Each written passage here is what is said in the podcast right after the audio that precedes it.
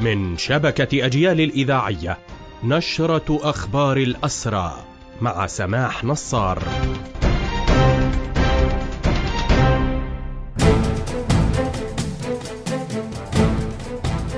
أهلا ومرحبا بكم إلى هذا اللقاء. حصيلة حملة الاعتقالات اليومية التي يشنها الاحتلال منذ السابع من أكتوبر طالت منذ مساء أمس وحتى صباح اليوم الأحد 12 مواطنا على الأقل من الضفة.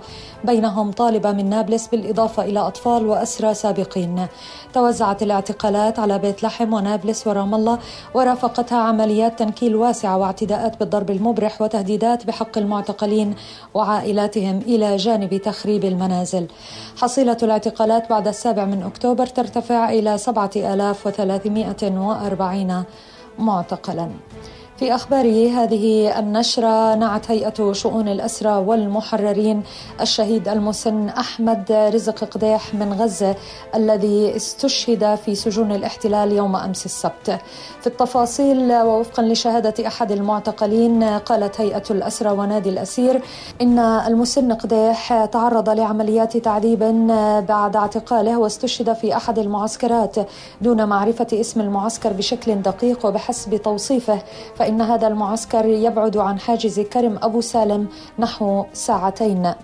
وفي تفاصيل الشهادة فإن المعتقل قديح نقل للتحقيق تعرض للتعذيب الشديد تركزت على أطرافه وظهرت آثار التعذيب الشديد عليه بعد إعادته إلى مكان احتجازه مع بقية المعتقلين من غزة.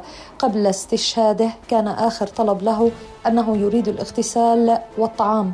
بعد دقائق استشهد أمام زملائه المعتقلين وجرى نقله لاحقا إلى جهة مجهولة.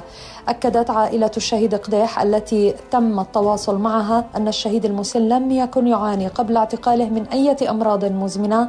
هو أب لأحد عشر ابنا وابنة أحدهم استشهد عام 2008 بذلك يرتفع عدد الأسرى الشهداء داخل سجون الاحتلال منذ السابع من أكتوبر إلى 12 شهيدا بينهم أربعة من قطاع غزة. بهذا مستمعينا تنتهي هذه النشرة الخاصة بأخبار الحركة الأسيرة قدمناها لحضراتكم من راديو أجيال. تحية الحرية لأسر الحرية وتحياتي سمح نصار المجد والخلود لشهدائنا الأبرار.